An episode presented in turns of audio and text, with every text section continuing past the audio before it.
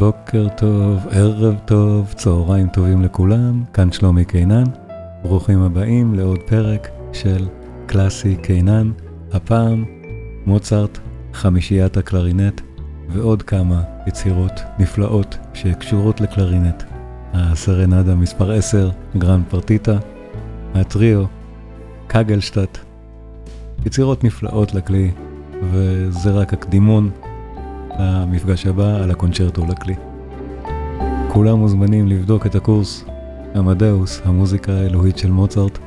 להתעמק במלחין הזה זה אחד מהדברים המענגים ביותר שאפשר להעלות על הדעת, והנחה מיוחדת למאזיני הפודקאסט וצופי ערוץ היוטיוב בתיאור של התשדיר, כמו גם הלינק לתמיכה בערוץ וכישורים לקבוצות הרלוונטיות בפייסבוק וכולי.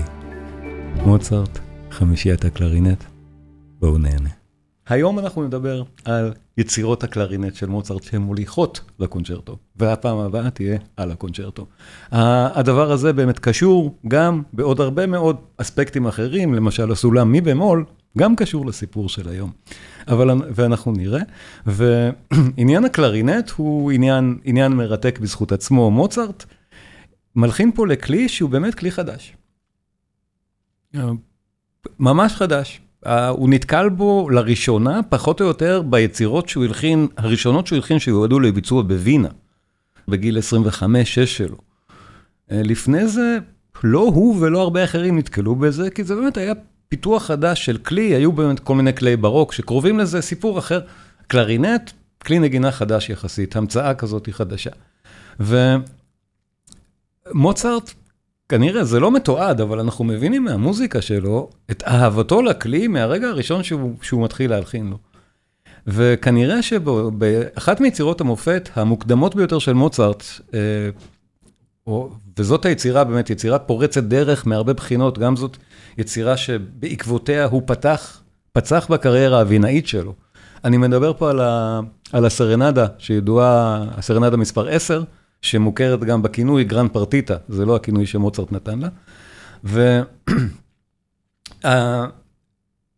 והיצירה הזאת, באמת, יש בה שני קלרינטים.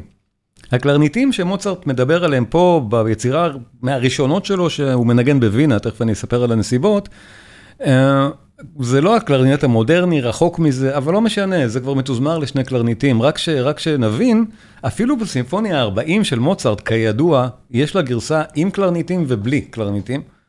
וזו בדיוק הייתה הסיבה הזו, שקלרינטים לא היה כלי סימפוני מקובל, ולא היו גם הרבה את הכלים בנמצא, ולא היו הרבה נגנים, אז יש שתי גרסאות לסימפוניה, אחת עם, אחת בלי.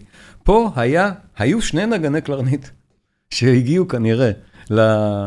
לארמון של הארכיבישוף מזלצבורג, של קולורדו, המעסיק של מוצרט, כשעשה טיול לווינה, טיול חודשיים בווינה, לארמון, לארמון הארכיבישוף שלו שם, בעיר, ולקח איתו את הפמליה שכללה גם את מוצרט.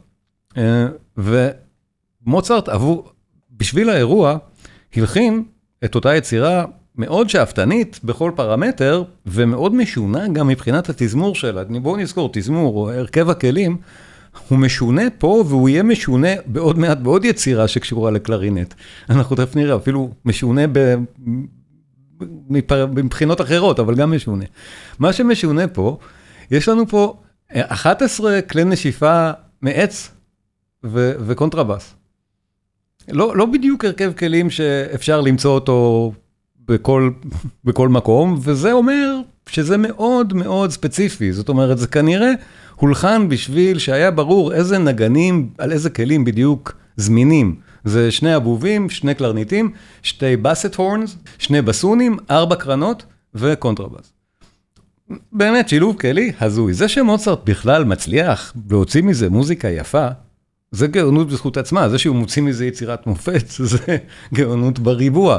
בסרט אמדאוס, אני לא מראה את הקטע כי מפחד הזכויות ביוטיוב, אבל אה, ממליץ לכולם, זה זמין בכל שירותי הסטרימינג. יש אה, באמת את הסרנדה הזאת, אה, סצנה שלמה שבה היא מנוגנת, שמראים את uh, הטקס בו מוצרט נזרק משירותו של הארכיבישוף בזלצבורג, בביקור הזה בווינה בגיל 26.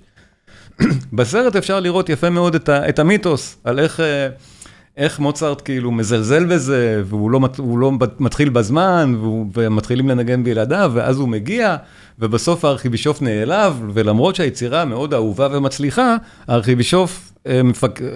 לא מפטר אותו, אבל מסתכסך איתו ככה שמוצרט בסוף הולך.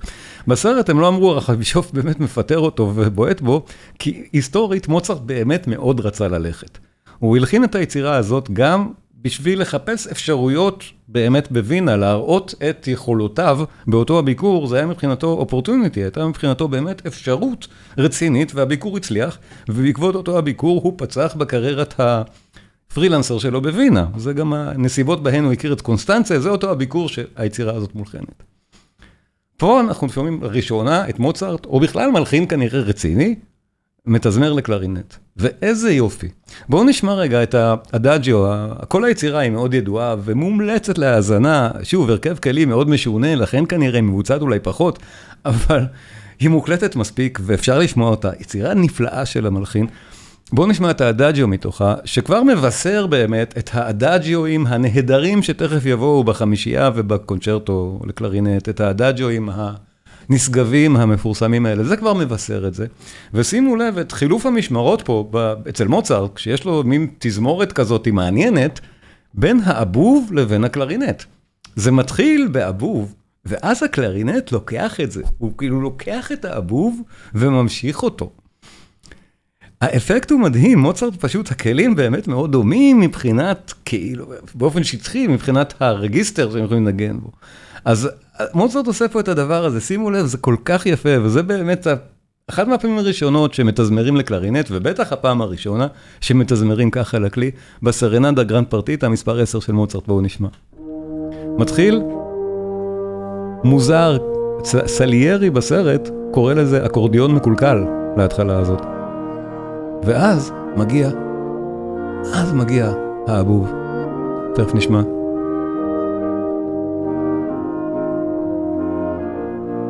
הנה הוא בא. ושימו לב, הקלרינט ייקח אותו, תכף. עכשיו, קלרינט לקח את זה.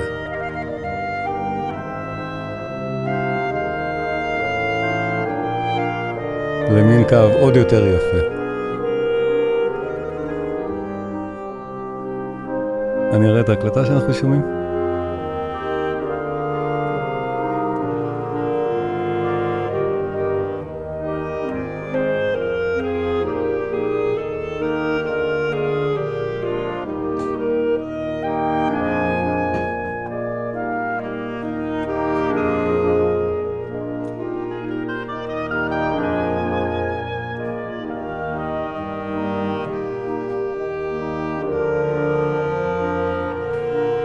מנגנים את זה פה מרינר, או מהתזמורת של מרינר, מאנסמבל סנט מרטין אין דה פילד. מנגנים כאן, שוב, זה אף פעם לא תזמורת שמנגנת את הדבר הזה, זה אסופה של כלים מתוך תזמורות סטנדרטיות. אה, שוב, הדיאלוג בין הכלים, בין הקלרינט לאבוב, נהדר.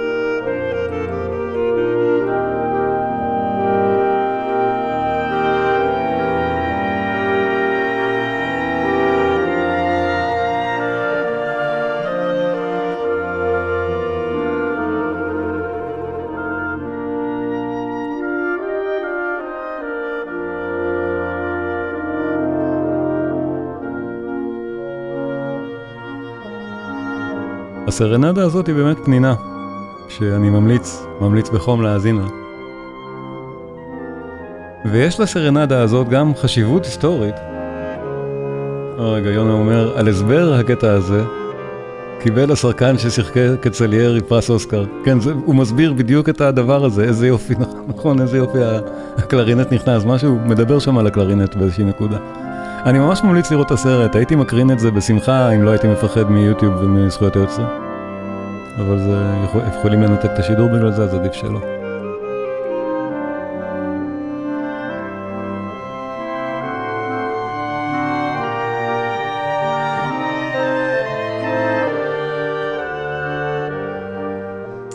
והמבנה באמת מאוד פשוט, האדאג'יו, אנחנו חוזרים עכשיו ל-A, חוזרים להתחלה, לאקורדיון המקולקל במרכאות, הביטוי של סליירי מהסרט.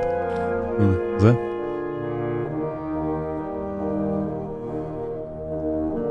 וזה נכון, זו תזמורת שלא צריכה להישמע טוב. יש פה מין תימהון על מעשה הכשפים שמוצרט עושה עם הרכב כלים שאמור להישמע באמת כמו מצעד, אולי, ברחוב, באיזה קרנבל, משהו, תזמורת כזאת שלו, של מצעדים, של כלי נשיפה מעץ בלבד. לא, לא, זה לא אמור להישמע יפה או אלגנטי, או עדין, או אלוהי. מתעתע כמה שזה יפה.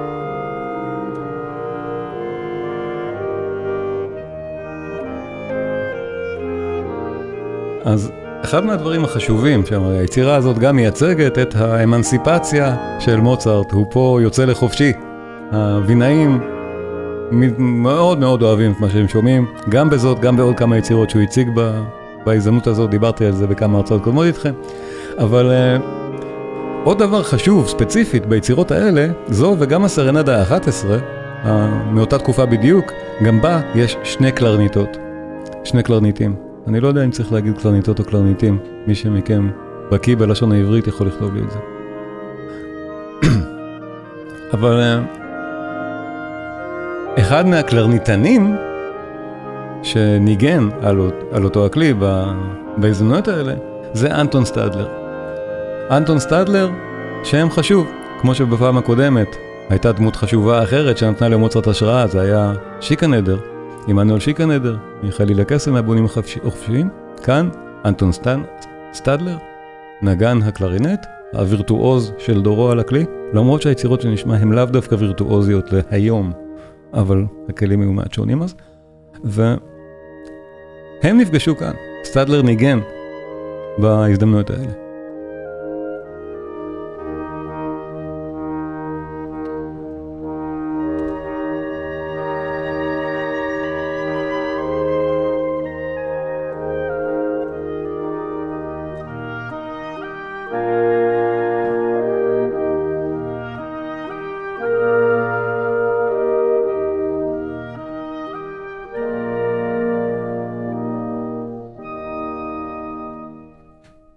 סרנדה מספר 10, גרנד פרטיטה, יצירה כל כך מומלצת, אנא האזינו, היא זמינה באמת בעשרות הקלטות נהדרות, אחת מהיצירות ה master works המוקדמים של מוצרט לצד הקונצ'רטו התשיעי לפסנתר, יצירות מהתקופה של לפני וינה, מהמדהימות שלו, זו אחת מהן. אבל סטדלר והוא נפגשו שם, וסטדלר באמת נתן, נתן למוצרט השראה על הכלי הזה, על הקלרינט. תמיד כשמוצרט נוגע בקלרינט, יצאה לו יצירת מופת, גם בפעמים הבאות. היצירות הסינגולריות האלה, שמעכשיו הוא מלחין עבור סטדלר, הן אחת אחרי השנייה מדהימות. הפרומו, הפרומו הקטן, וזו באמת מין יצירה אנקדוטית, עוד פנינה מוצרטית, אה, שונה לגמרי, ומתוזמרת כל כך מוזר, או לא, תזמור זה לא המילה פה, אבל שוב, היא כתובה להרכב כלים כל כך משונה, שאנחנו לא, זה טריו למה? זו שלישיית קלרינט, או שלישיית פסנתר, או אולי שלישיית ויולה. הטריו הזה פשוט נקרא קגלשטט, בגלל שאין אף טריו אחר לשלושת הכלים האלה.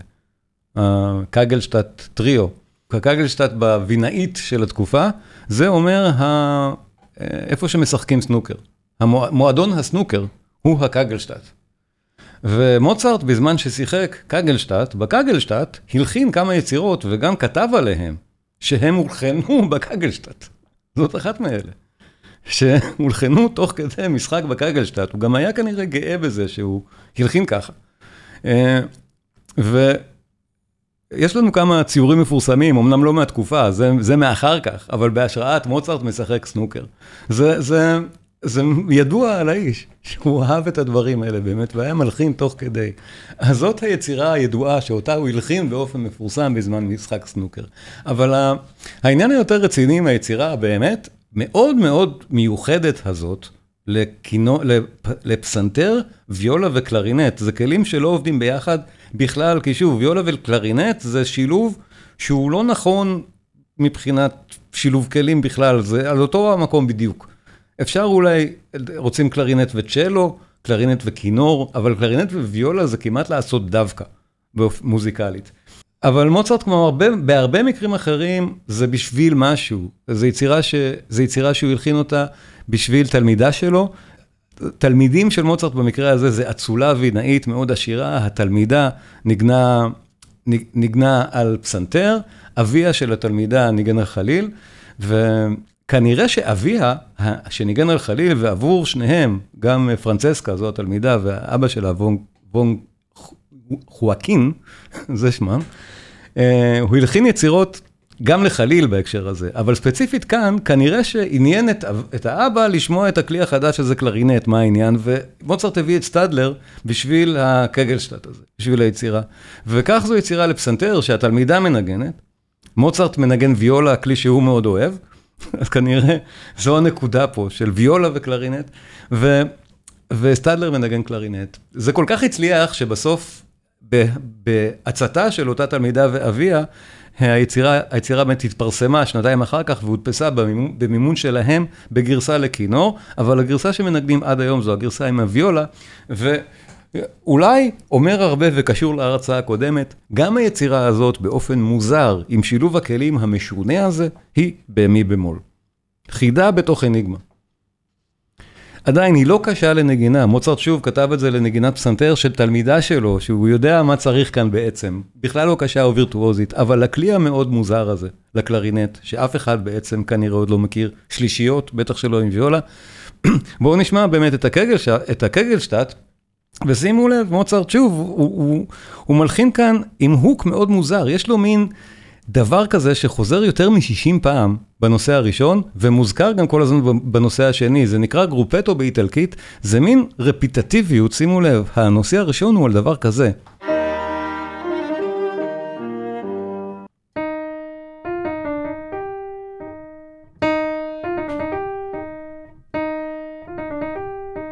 זה יחזור בפרק הקצר הזה 67 פעמים. ומוצרט עושה מזה באמת, בגאונותו המוצרטית, את המטעמים הכי גדולים שאפשר. נהדר.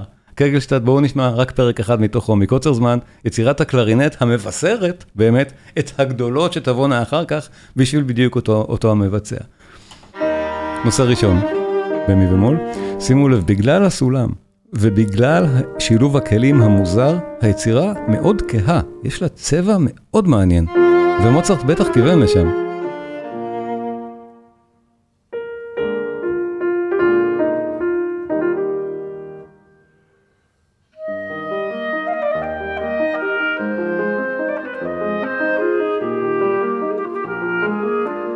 אני אראה איזה קליטה אנחנו שומעים.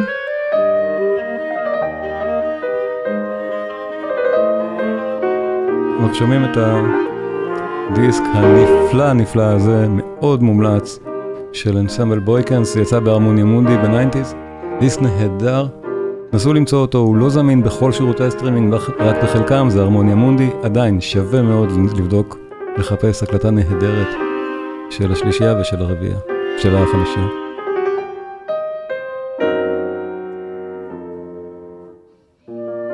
נושא שני, כמה שזה יפה. אפילו את ה... כשהוא משחק סנוקר הוא מלחין נהדר את הדברים האלה. לא כל היצירות של מוצרט הן masterpieces. לא כולם, בערך 20 אחוז הם כן, אבל 20 אחוז שכן, איזה masterpieces. רמי, אתה צודק, נכון, בדיוק.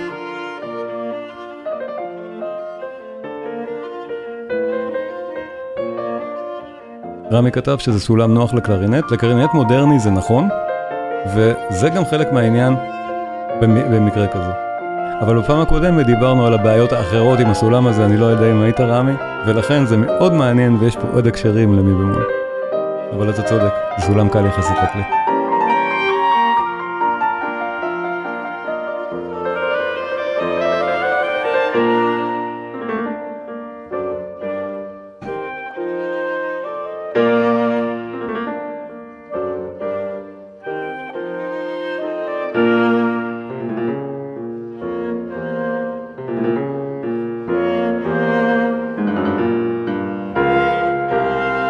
שומעים כל הזמן באמת את הטאגדגדם, את הדבר הזה, את כל הזמן יש לנו את זה, 67 פעם בתוך המוזיקה המשגעת הזאת, לטריו, קלרינט, ויולה ופסנתר. טריו כל כך מוזר וכל כך יפה.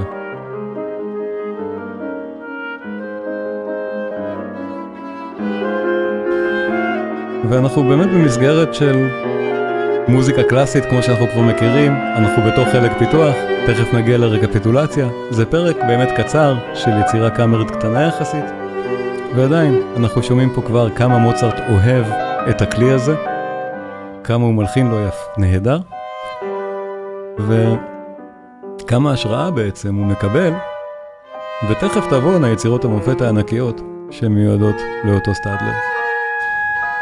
עכשיו מקומו, הנה הגענו לרקפיטולציה, מקומו של סטאדלר בהיסטוריה הוא מעט, אה, מעט אה, מפוקפק, בעיקר בגלל דברים שקונסטנצה אמרה עליו, וזה נוגע בעיקר להיעלמותו של הקונצ'רטו לקלרינט. אין לנו את התווים המקוריים של הקונצ'רטו לקלרינט. את התווים המקוריים של היצירות האלה, כן, יש לנו, זה פורסם בעצם בימי חייו של מוצרט, גם החמישייה. הקונצ'רטו לא, הקונצ'רטו פורסם לא, אחרי מותו, ו...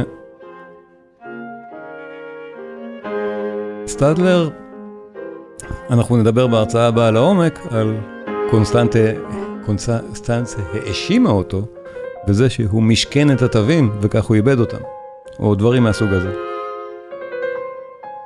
שגנבו לו אותם כשהוא היה שיכור, כל מיני דברים כאלה היא אמרה על סטאטלר. נושא שני כל כך יפה. מצד שני, יש את המוזיקה שמוצרט הלחין עבור המבצע הזה. הוא כנראה סבר עליו דברים אחרים מקונסטנציה. זו מוזיקה שהולחנה עבור מבצע ספציפי שמוצרט מאוד מאוד העריך. ותכף נראה עד כמה הוא גם עבד איתו במובנים רבים ביחד. זה גם חלק מהאניגמה לגבי הביצועים הנכונים של היצירות האלה.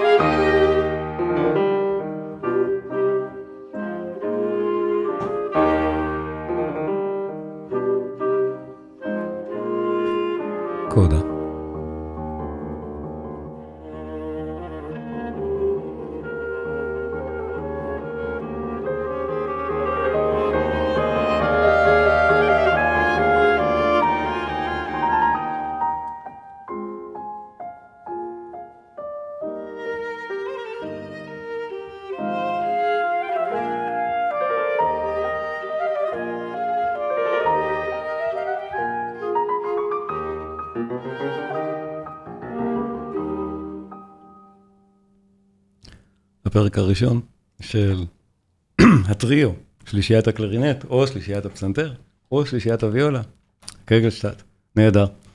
Uh, היצירה הבאה שמוצרט uh, הלחין עבור, uh, עבור סטדלר, זו אחת מיצירות הקאמריות הכי גדולות ברפרטואר, לא רק של הקלרינט, אלא בכלל, חמישיית הקלרינט של מוצרט. אחת, זאת תהיה גם המנה העיקרית, המנה העיקרית של היום. ועד כמה באמת זה היה בהשראת, בהשראת מבצע ספציפי, אמ, וזה נוגע גם לעניין כלי הנגינה והסולמות, שקודם, אה, שקודם אה, רמי נגע בו, ותודה. הכלי שזה נכתב עבורו, נראה כך. כלי שנקרא באסט קלרינט. זה נראה כך כי זה הרישום היחיד שיש על הכלי שסטדלר ניגן עליו. אנחנו באמת לא יודעים, חוץ מזה, מה זה באסט קלרינט? מוצרט וסטדלר הלכו בווינה לאחד מיצרני הכלים וביקשו, אה, סטדלר ביקש במיוחד כלי כזה, custom made, מיוצר במיוחד עבורו, ויצירה שמולחנת במיוחד עבורו ועבור כלי שהוא שונה ויכול להגיע לתווים הרבה יותר נמוכים מקלרינט סטנדרטי. באסט קלרינט. אין כלי כזה חוץ מהיצירות האלה, החמישייה והקונצ'רטו. במקרה של הקונצ'רטו זו בעיה גדולה ורצינית, ואנחנו נגיע לזה בפעם הבאה, לכן צריך להקדיש מפגש שלם לקונצ'רטו. במקרה של החמישייה זה לא בעיה כל כך גדולה, אני אדבר למה, אבל במקור היצירה הולחנה על הכלי המשונה מאוד הזה, שיועד באמת למבצע ספציפי, לסטדלר, לבאסת קלרינט. ו... זה באמת, השחזורים של הכלים האלה, היום גם אין הרבה באסט קלרינטים, כי שוב, זה, שיר, זה, זה כלי שמנגנים אותו, צריך אותו בעצם רק לקונצ'רטו של מוצרט. זה נראה ככה יחסית לקלרינט סטנדרטי. לא, לא להתבלבל, זה לא הכלי שנקרא באסט הורן, זה משהו אחר. ו... עד כדי כך, זו יצירה של סטדלר במובן הזה, היא נכתבה באמת עבורו. יש צדק מסוים בזה שאחר כך הוא מתווכח עם קונסטנציה שבעצם היצירה, היצירות האלה שייכות במובן מסוים אליו. כך או כך, את החמישייה, מוצרט עצמו חשב גם על קלרינט, ולא רק על הבאסט קלרינט, כשהוא הלחין אותה, והגרסאות שיש לנו הן גם מיועדות לחמישייה עם קלרינט סטנדרטי, או לפחות של התקופה. על כל פנים, במפגש הבא אנחנו נדבר על, על, על הקונצ'רטו, שבו באמת זה הולחן לכלי אחר לגמרי, ואז אנחנו נראה את הבעיות. החמישייה נשמעת מצוין, גם בהרכבים כליים מודרניים, וזו אחת היצירות הקאמריות האהובות ביותר שיש, ואני חושב שהמנוגנות ביותר, גם בהרכבים של חובבים לפעמים, היא לא מאוד קשה לקלרניטיסטים מודרניים, למרות ששוב, בשעתו זה ודאי היה קשה, בטח עם כלי כל כך מוזר. אז... יש לנו כאן בנייה נהדרת של יצירה קאמרית גדולה של מוצרט משיאו, והנושאים באמת מאוד מאוד ידועים, ויש לנו פה באמת דגם של כמעט textbook, של, של ספר לימוד, של שיא הקלאס, התקופה הקלאסית, לא רק של מוזיקה קאמרית, אלא בכלל צורת הסונטה הזאת. יש לנו פה גם צורת סונטה וגם צורות אחרות, כל אחת מהן במין specimen מובהק יפהפה של הצורה, ומוצרט, גם כאן, גם בקונצ'רטו, משכיל לשלב את ה... מלודיות, אחת אחרי השנייה, הכי יפות שאפשר. האמפתיה שלו לכלי היא לא תיאמן. ההשראה שזה נותן לו, זה באמת נהדר, המטעמים שהוא עושה פה. שני נושאים, חלק פיתוח, רקפיטולציה. בואו נשמע, נושא ראשון הוא זה.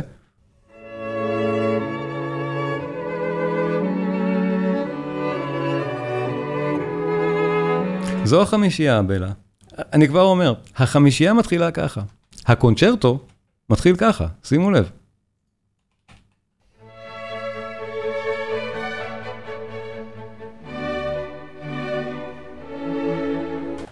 ממש ממש דומה. מתחיל באותה פיגורציה, באותו הסולם. זה קורה עוד, המקבילות האלה קורות עוד פעמים, ואנחנו נראה את זה, באמת היצירות קשורות הן לאותו מבצע עם אותו עם אותו אולי אינקלינציה גם, ולכן הן באותו הסולם ומתחילות דומה בשני מקומות, גם הפרק השני שלהם. אנחנו נראה את זה, מעניין, תתייקו את זה, אבל הנושא השני לא פחות יפה.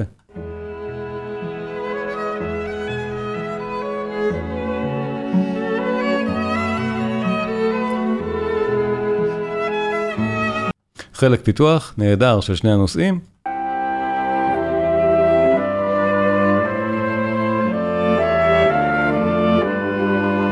ובצורת סונטה, שוב, הצורות האלה, אחרי חלק הפיתוח, אנחנו חוזרים למה שנקרא רקפיטולציה, הצגה מחדש של הנושא הראשון.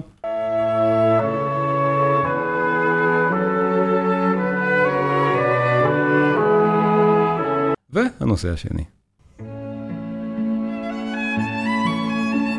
זאת בדיוק הצורה הקלאסית, מה שנקרא צורת סונטה. textbook בתוך יצירה קאמרית מהיפות שיש, ובאמת לומדים את זה, מפה אנחנו לומדים את הצורות האלה.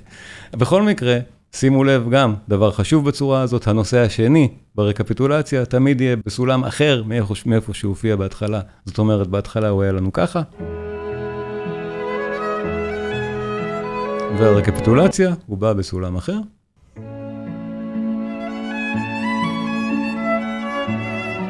קשה אפילו לדעת באיזה מהסולמות הוא יותר יפה, ומוצרט עושה את מעשה הכשפים הנהדר הזה, שאנחנו לא מבחינים שיש הבדל בין הסולמות. ברור, זה חלק ממאפייני הצורה הזאת. בואו פשוט נשמע את הפרק הנהדר הזה, ואני אספר מעט יותר על הרקע, תוך כדי האזנה, אבל נשמע את שני הנושאים הנהדרים שלו. מאחר ומוצרט אפשר לעשות חזרה על האקספוזיציה, אפשר לנגן את זה עם האקספוזיציה פעמיים או לא, או רק פעם אחת, אפשר לעשות את זה כך או כך, ואז גם כאן, גם דיברתי על כמה יצירות אחרות, שחלק מההקלטות, חלק מהביצועים, מקליטים את זה וזה לוקח בערך 6 דקות, חלק זה בערך 9 דקות, תלוי אם חוזרים על האקספוזיציה. ההקלטה שאנחנו רואים כאן, נגיד, זו הקלטה שאני מאוד אוהב, הקלטה שרואים על המסך אצלי, של בני גולדמן ובוסטון. ו...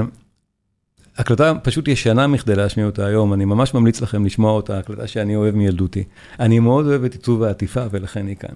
אבל פה למשל, בחרו, הוא בחר באמת לא לחזור על האקספוזיציה. היצירה יש לה איזון שונה כך, כשהפרק הראשון הוא בן 6 דקות, ואנחנו נשמע את זה גם היום ככה, עם הפרק הראשון בלי חזרה על האקספוזיציה, פשוט כי כבר שמענו את הצגת הנושאים, כשאני הצגתי אותם, אז בואו נשמע את זה יותר מכווץ, וכמו שגם מוצרט בעצמו מאשר לנו, בואו נשמע את זה עם האקספוזיציה רק פעם אחת.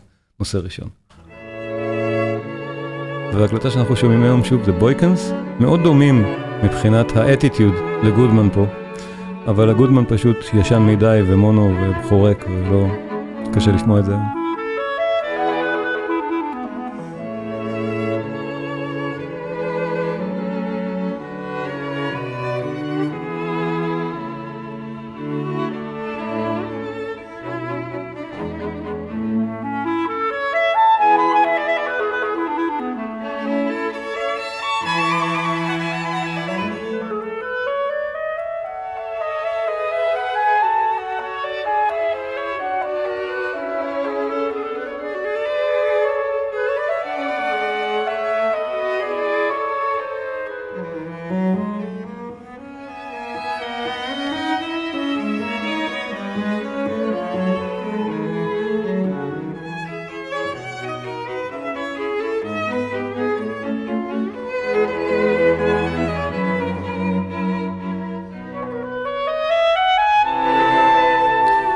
ותכף מגיע הנושא השני. שוב, אחד מהדברים הכי יפים ביצירות האלה באמת של מוצרט, אה, גם בזה וגם בקונצ'רטו, שהוא מקפיד שכל הנושאים יהיו מהפנטים מדהימים אחד אחרי השני. נושא שני לא פחות מדהים מהראשון. וזה ימשיך ככה, כל פרקי החמישייה, כל אחד מה, מהתמות, כל, כל אחד מהנושאים הוא זכיר והוא יפהפה.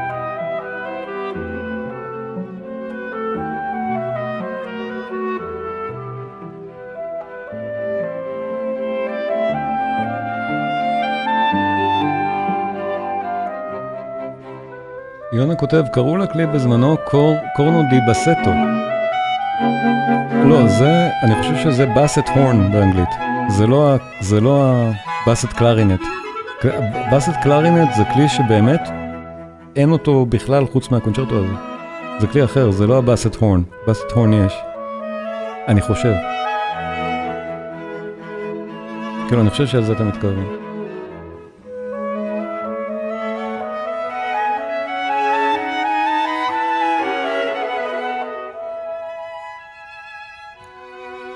אפשר לבדוק, אפילו אני ממליץ לכם, תפתחו אפילו ויקיפדיה, זה מאוד מעניין לקרוא על הכלים האלה. באסט הורן זה כלי אחר באמת. באסט קלרינט זה הכלי פה שסטדלר ניגן עליו, הקאסטם מייד, חלק פיתוח.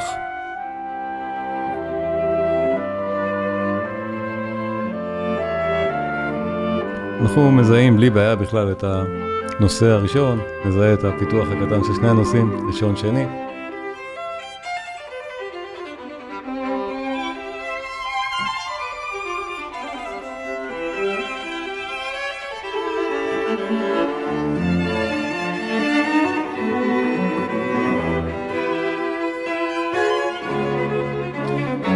ואנחנו שומעים. נהדר, חלק פיתוח בדיוק כמו בכל היצירות ששמענו, חלקי פיתוח אצל בטהובן, גם אצל מוצרט בסימפוניה במפגש הקודם. השתלשלות יפהפייה ודרמטית של הנושאים. במקרה הזה באמת צנוע וקצר יחסית, שוב יצירת קאמ... יצירה קאמרית קטנה כאילו, למרות שהיא לא קטנה בכלל, חלק הפיתוח קצר, זה לא בטהובן, אנחנו מגיעים לרקפיטולציה במעבר נהדר מוצרט בכרומטיזם האופייני שלו, כל כך יפה. רקפיטולציה, הגענו.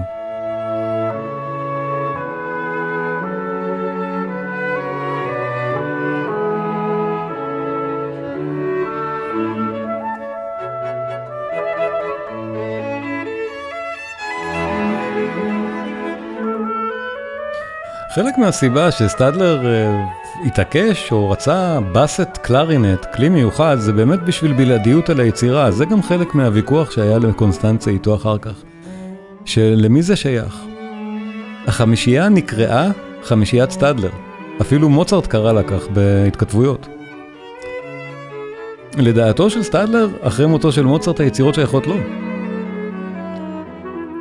והסיבה שהיצירות נכתבו כאילו לכלי שרק לסטדלר יש, זה מזכיר אולי דברים שאנחנו מכירים עוד מתקופה קצת יותר מוקדמת, מבאך, איך היה חשוב מאוד שרק למי שיש את התווים בעצם מודפסים, או לא מודפסים, מועתקים, אבל יש לו את העותק, יש לו יתרון יחסי על מי שאין לו את העותק.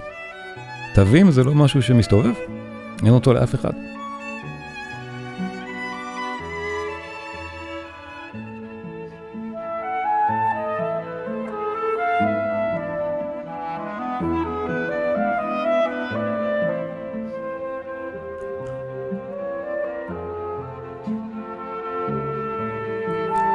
אז סטאדלר כנראה ניכס לעצמו את היצירות, אין שאלו. והכלי, ה basset horn, הכלי שרק יש, ה basset clarinet, סליחה, הקלרינט הנמוך המיוחד הזה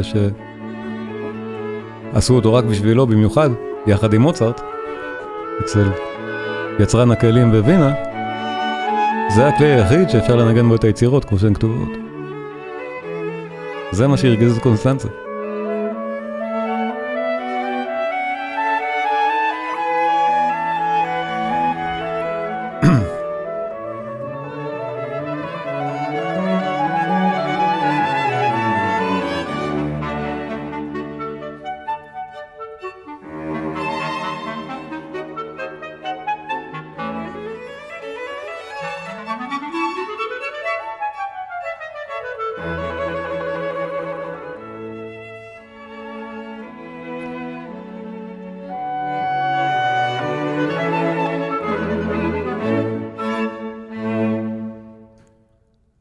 מתייחס רגע למה שנכתב בצ'אט, ומביאים גם אימג'ים, אני עכשיו אראה גם תמונה אה, מוויקיפדיה.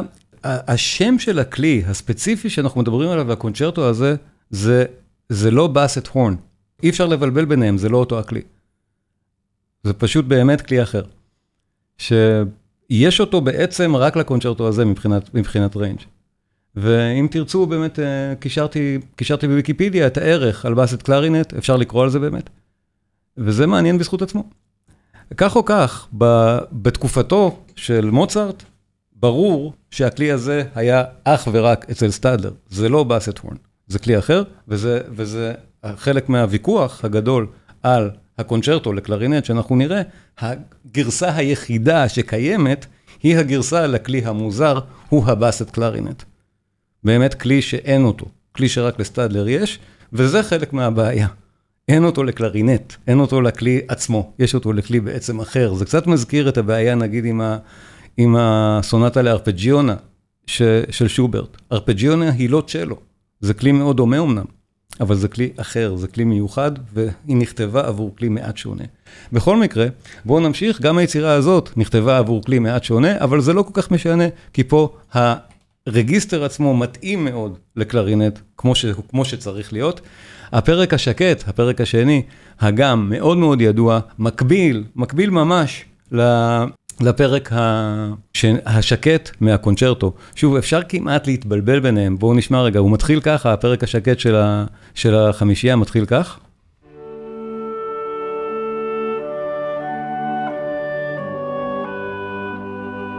והפרק השקט של הקונצ'רטו מתחיל כך.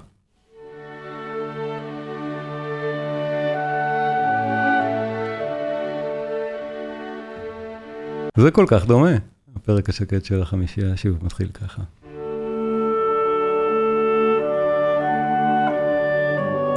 היצירות באות מאותו המקום, זה, זה ברור.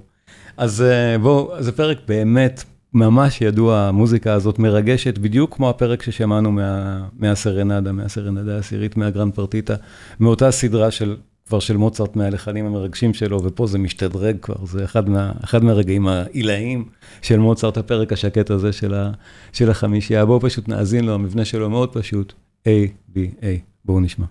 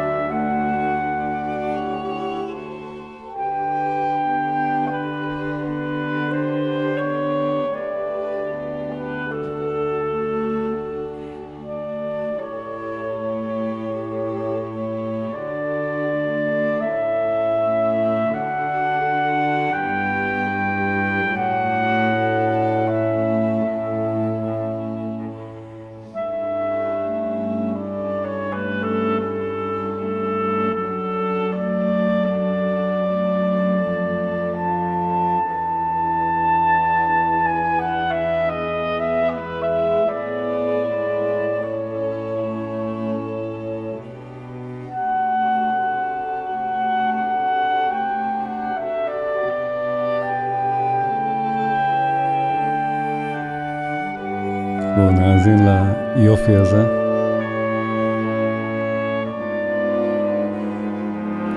ואני הולך שנייה לכבות את המזגן כי הוא מרעיש לי. תכף אני אדבר על הכלים ואני מיד מיד חוזר. כל כך יפה.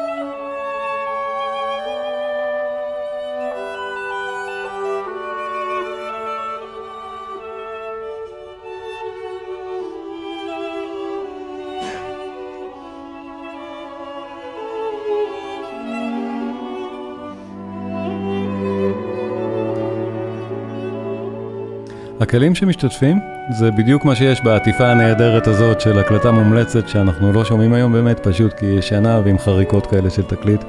אבל אנחנו רואים פה רביעיית מיתרים סטנדרטית. שני כינורות ויולה וצ'לו. וקלרינט. ושומעים באמת את, את uh, האינטראקציה, את האיזון החוזר בין, ה, בין הכלים.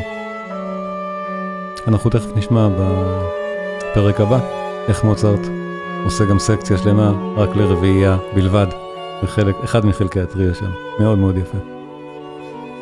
מוצרט גם הרי, גם הרביעיות שלו הן אה, יצירות מופת, הרביעיות המאוחרות, רביעיות היידן, יצירות מופת עילאיות פחות אולי מוכרות מזו. זו באמת, יש לה מקום של כבוד ברפרטואר הקאמרי בכלל, בכל הזמנים, לא רק של מוצרט ולא רק לקלרינט, אלא בכלל. אחת מהיצירות האהובות ביותר, יצירות הקאמריות שיש. חמישיית הקלרינט של מוצרט.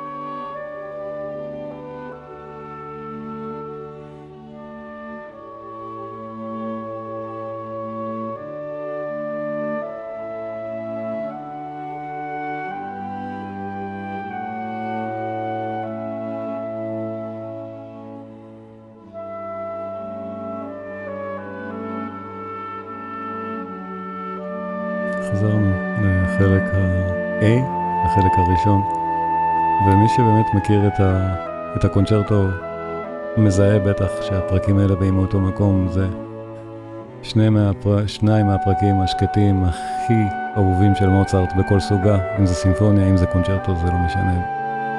מהפרקים היפים ביותר גם כאן וגם בקונצ'רטו שנשמע בפעם בקונצ'רטו לקלרינה. הפרק נקרא לארגטו, אם לא הדאג'ו, קלר גטו.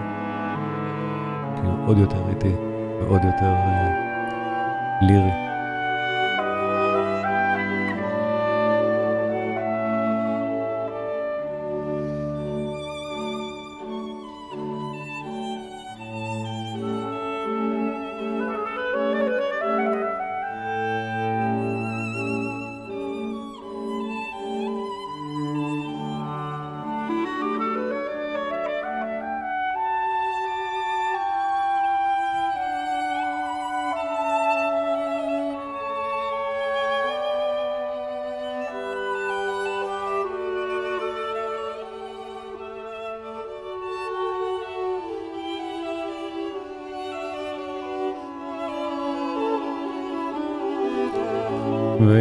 תסלחו לי, אנחנו נסיים מעט יותר מאוחר, כי אני רוצה להשמיע עוד את היצירה עד סופה. לא נשאר עוד הרבה, אבל אנחנו נסיים בחמש דקות איחור. גם התחלנו טיפה מאוחר, אז אני, אני חושב שהמוזיקה כל כך מענגת, אז למה לא? מוזיקה מהיפות.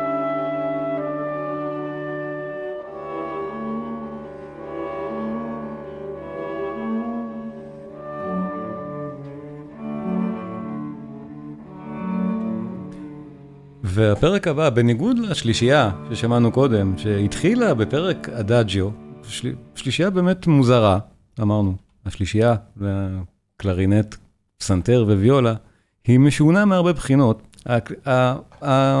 החמישייה מסודרת מאוד יפה כצירה קאמרית. הפרק הבא, מינואט וטריו, שמוצרט אה, עושה פה, עושה פה משהו מאוד מאוד מעניין ויפה. הוא עושה שני טריו. זה מינואט, טריו אחד, מינואט, טריו שני, ושוב מינואט. והוא עושה את זה, זה, זה באמת בנייה די מיוחדת, בדרך כלל זה כמו סקרצו וטריו, זה פרקים שיש לנו א', ב' ושוב א'. קטע א' נקרא סקרצו, הוא נקרא מינואט, קטע ב' נקרא טריו, וקטע א' שוב נקרא מינואט שוב. אז פה יש מינואט טריו, מינואט טריו 2 ומינואט שוב. הטריו והטריו 2 מיועדים באמת להראות את רביעיית המיתרים, ואחר כך רביעיית המיתרים והקלרינט. אבל הנקודה שמוצרט פה אמרנו, הוא נותן לנו כל הזמן עוד ועוד מוזיקה משגעת פעם אחרי פעם. זה נותן לו תירוץ לתת, לתת לנו עוד חלק מלודי, חלק נהדר של קטע. במקום שני קטעים שונים בתוך המינואט, יש לנו שלושה. אז יש לנו את המוזיקה של המינואט עצמו, הנושא הזה, יפהפה.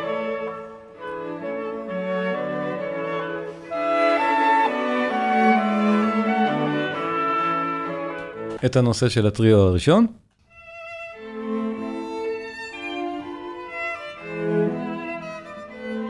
יפהפה לא פחות. והכי יפה אני חושב, נושא הטריו השני. זה מוצרט בשיא מקסימותו, אין מה להגיד. פשוט, מוצרט המשגע פה. בואו נשמע את כל הפרק ו- ו- ואני אגיד, הנה, מינואט, אני אגיד מה החלקים, מינואט.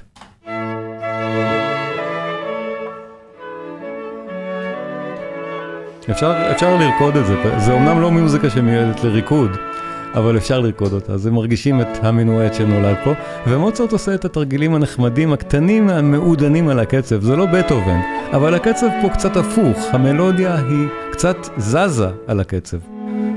תמיד זה, יש פעמה לפני ופעמות אחרי, והמלודיה היא במין לא מסודרת קצת. שימו לב לזה, זה נורא יפה, ואני אנסה לשיר עם זה קצת תכף שנראה.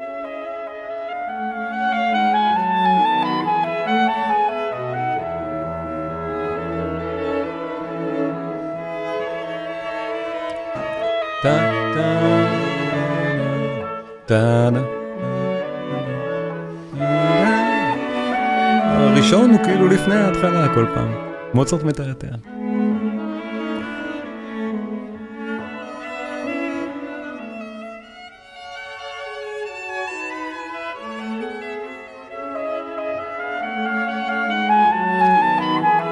ותכף אנחנו מגיעים לטריו הראשון, ושימו לב, מוצרט מנצל את זה פשוט בשביל שיהיה עכשיו הזדמנות לרביעייה להפגין את האנסמב... נגינת האנסמבל שלה, ולסולן לפנות קצת את הבמה. הטריו בלי, בלי קלרינט.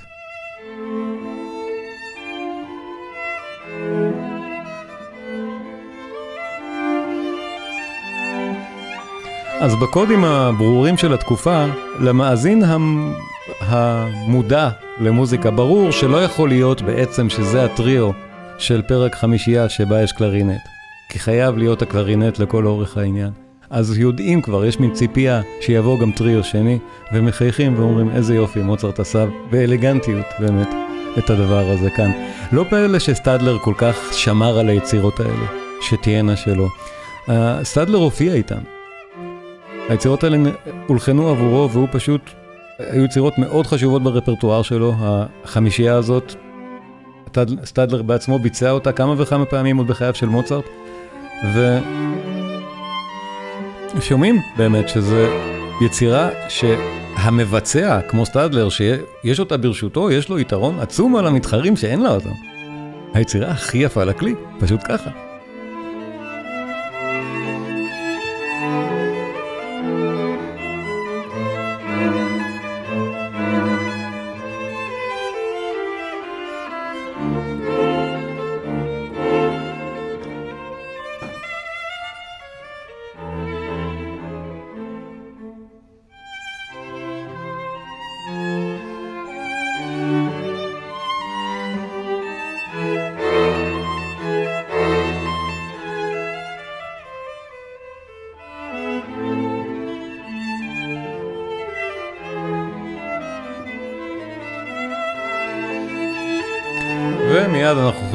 במעבר מוצרטי נהדר, שוב לחלק המינואט, הפעם באזכור קצר שלו, זה לא אזכור מלא כמו שהיה בהתחלה, אזכור קצר מאוד, כי אנחנו מיד צריכים להגיע לטריו השני, ולהיזכר שיש לנו פה בעצם קלרינט, זו חמישייה לקלרינט, לא רביעיית מיתרים.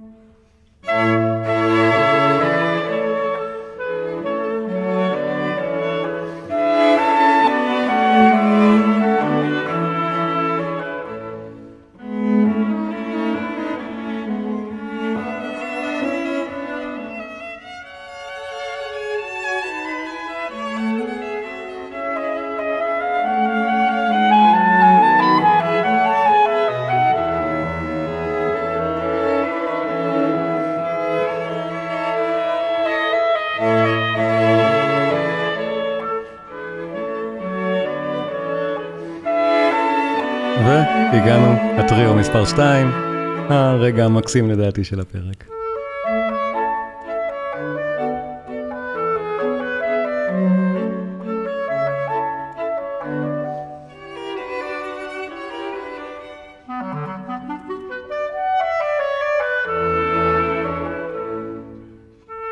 אני שוב אסביר משהו על הכלי הזה, כי אני רואה שרמי שלח עוד תמונת מסך.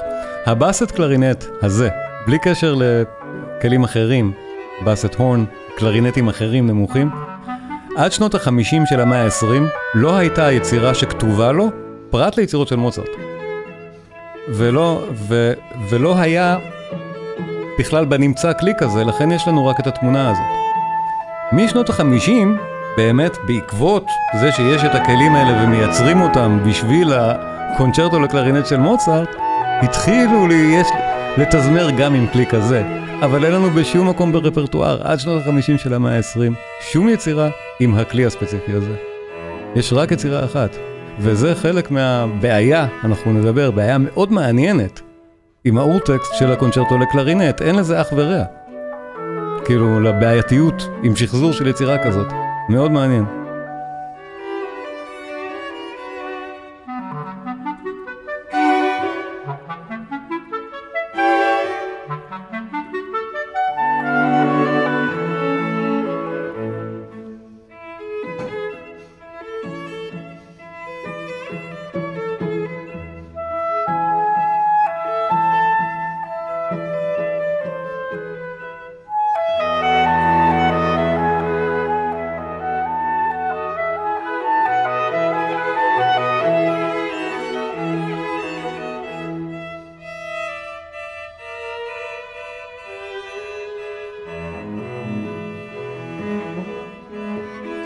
ונחזור תכף בפעם האחרונה למינואט, כמו שפתחנו את הפרק, וכשמענו אותו כבר פעם בדרך, נגיע לסגירה עם המינואט בפעם האחרונה, פרק כל כך חינני.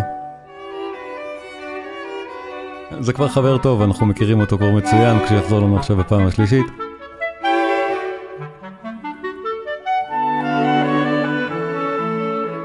והגענו. יונה כותב, הרדיו שלנו ניגן, בזמנו את הביצוע עם יונה אטלינגר. נהדר, יש ביצועים נפלאים באמת לחמישייה. גם שרון קם לדעתי, ביצוע נפלא גם לזה, גם, גם, גם לקונצ'רטו. ביצועים נהדרים.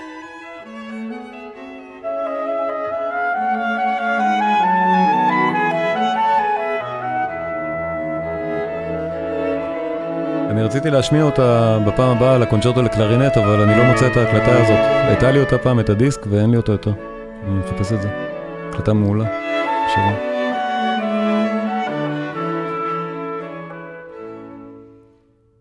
המינואט, ולסיום, האלגרטו שמסיים, ואמרנו מוצרט פה הוא ספר לימוד גם לצורות האלה. הפרק הראשון צורת סונטה, מינואט וטריו. יש לנו עכשיו, כמובן, נושא ווריאציות באלגרטו, עוד דבר שמוצרט היה עושה נהדר, נושא ווריאציות. אחר כך בטהובן היה עושה את הנושאים והווריאציות שלו. הנושא של מוצרט, ואני אגיד, הנה, וריאציה ווריאציה, לא נתעמק יותר מדי, תוך כדי שמיעה נשמע, נושא. כמה הוא משתדל להיות הכי נפלא שאפשר לכלי וליצירה הזאת בחמישיית הקלרדינט. זה אחת מהיצירות הקאמריות המלבבות ביותר שיש בכלל. אין לה בכלל שום אח ורע בסוגה. אז זה הנושא, נושא באמת מדליק, חמוד, וכמו שראינו, בטהובן ומוצרט עצמו כבר. ודאי שוריאציות, הוא יעשה מזה פשוט מטעמים, תכף שאנחנו נשמע, הווריאציה הראשונה תגיע ממש מהר.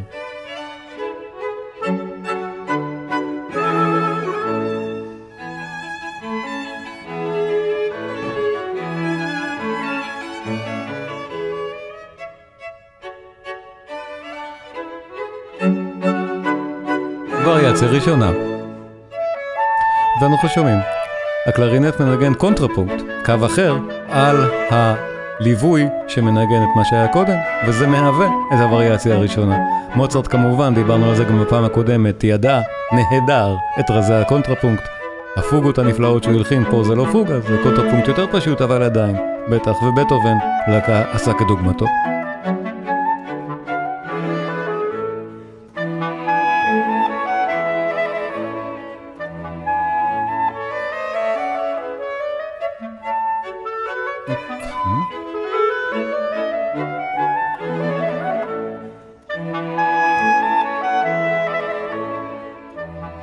אז באמת, אם אתם רוצים ולשמוע הקלטה נפלאה, זו הקלטה שאני גדלתי עליה, אישית, מילדות של היצירה הזאת, וגם של הקונצ'רטו. הנה, אנחנו שומעים עוד וריאציה, וריאציה נפלאה, שלישי, שנייה. מומלץ מאוד, הבעיה היחידה עם הקלטות כאלה באמת מאוד ישנות, שהן פשוט, הן נשמעות פחות טוב מבחינה טכנית, וקשה לי להשמיע אותן במפגשים מהסוג הזה, מהסיבה הזאת. כי אני חושב שזה מעט חבל וצריך חוויה באמת, אנחנו כבר מצפים לחוויית סאונד טובה.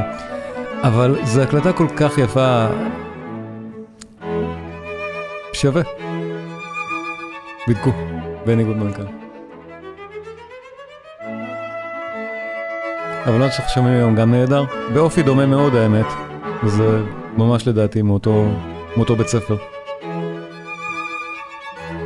מחכה להרצאה על הקונצרטים של מוצרט לפסנתר, אייפד כתבה, או מחכה או מחכה, מבקשת יפה, מחכה. אז אייפד, אני לא יודע מה שמך, אני כבר עשיתי הרצאות במסגרת מתג על הקונצ'רטי לפסנתר, אני אשמח לעשות שוב. זה באמת התוכן הנהדר, ויש כל כך הרבה שאפשר לעשות את כמה שלא דיברתי עליהם. שימו את הווריאציה הנהדרת הזאת השלישית, וריאציה מינורית. כל וריאציה ווריאציה פה היא יפה כל כך,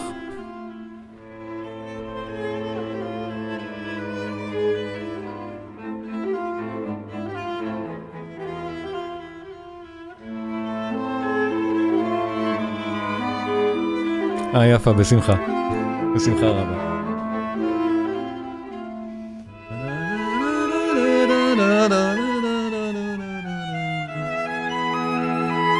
ומוצרט ממש אוהב את הדברים הכרומטיים הקטנים האלה. דיברנו עליהם בכמה הרצאות על מוצרט בעבר, ואני אזכיר אותם שוב. אני אסביר אותם בהרצאה הבאה, מה זה הדברים הכרומטיים שאני מתכוון אליהם.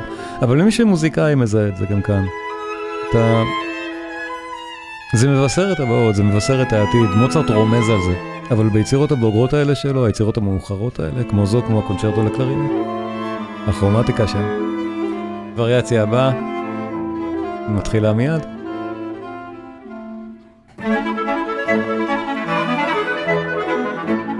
ופה סטדלר מבחין, מפגין וירטואוזיות על הכלי המשונה, שוב, כלי כנראה קשה, שלא מיוצר על הבאסט או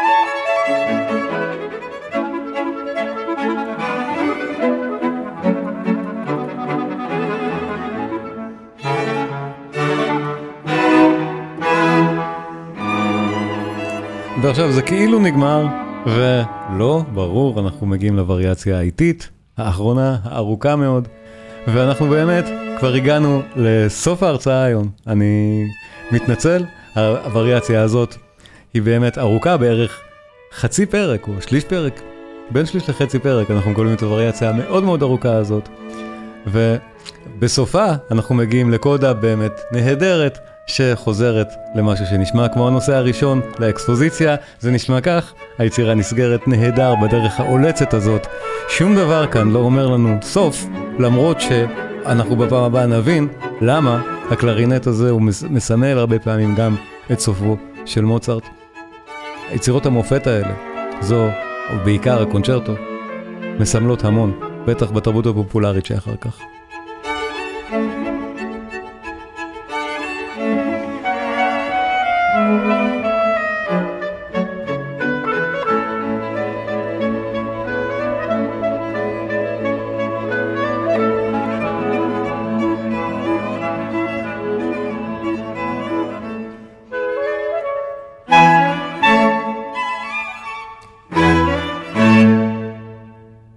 מוצרט, יצירות הקלרנית הקאמריות בשלב הזה. בפעם הבאה אנחנו נדבר על הקונצ'רטו ועוד כמה עניינים. לפני שנפרדים, אני רוצה להמליץ לכם מאוד, אם נהניתם, להעמיק יותר במוצרט, במוזיקה שלו, ביצירות שלו, באופרות הנהדרות שלו, ניתוחים נפלאים של מוזיקה מהנפלאה ביותר שיש, אז באמת מחכה לכם הקורס הדיגיטלי עמדאוס, המוזיקה האלוהית של מוצרט. הקורס כל הזמן גדל, מתווסף אליו עוד תוכן. ככל שאני עצמי מעביר הרצאות על הנושא, אז יש לנו כבר בקורס עצמו, ילד פלא, זלצבורג, מבחר יצירות סימפוניות, ערב באופרה נישואי פיגארו, מבחר קונצ'רטי, ערב באופרה דון ג'ובאני, המוזיקה של הסוף. תכנים נוספים, חליל הקסם חלק א' עם כנרת זוהר להב, זה משהו מאוד מעניין ומיוחד, חליל הקסם חלק ב', כשהיידן פגש את מוצרט, היידן והמוזיקה הקאמרית של התקופה הקלאסית, חמישיית הקלרינט, הרקוויאם וקטעי מקהלה נוספים, הסרנדות, מוזיקת לילה זעירה, סימפוניה קונצ'רטנטה לכינור וויולה, רמז, עוד יצירה במי במול מז'ור. הסימפוניה ה-40, הסימפוניה ה-41, הקונצ'רטי הגדולים לפסנתר א', הקונצ'רטי הגדולים לפסנתר ב'. בנוסף, בונוסים, הדוקומנטרי בחיפוש אחר מוצרט, דוקומנטרי מעולה, פשוט שווה צפייה כל כך. נמצא כאן עבורכם, עמדאוס בגרסת הבמאי, שלוש שעות של תענוג, נישואי פיגר, האופרה במלואה, שני DVDs נהדרים לצפייה מענגת ביותר, עם תרגום כמובן. הקורס זמין בהנחה מיוחדת לצופי הערוץ ומאזיני הפודקאסט, אז אנא בדקו, יש אה, שיעור שניים פתוחים לצפייה בחינם, ועצם זה שאתם בודקים עוזר לי מאוד להמשיך ולתת את התכנים האלה גם הלאה. אז עמדאוס, המוזיקה האלוהית של מוצרט, נשתמע.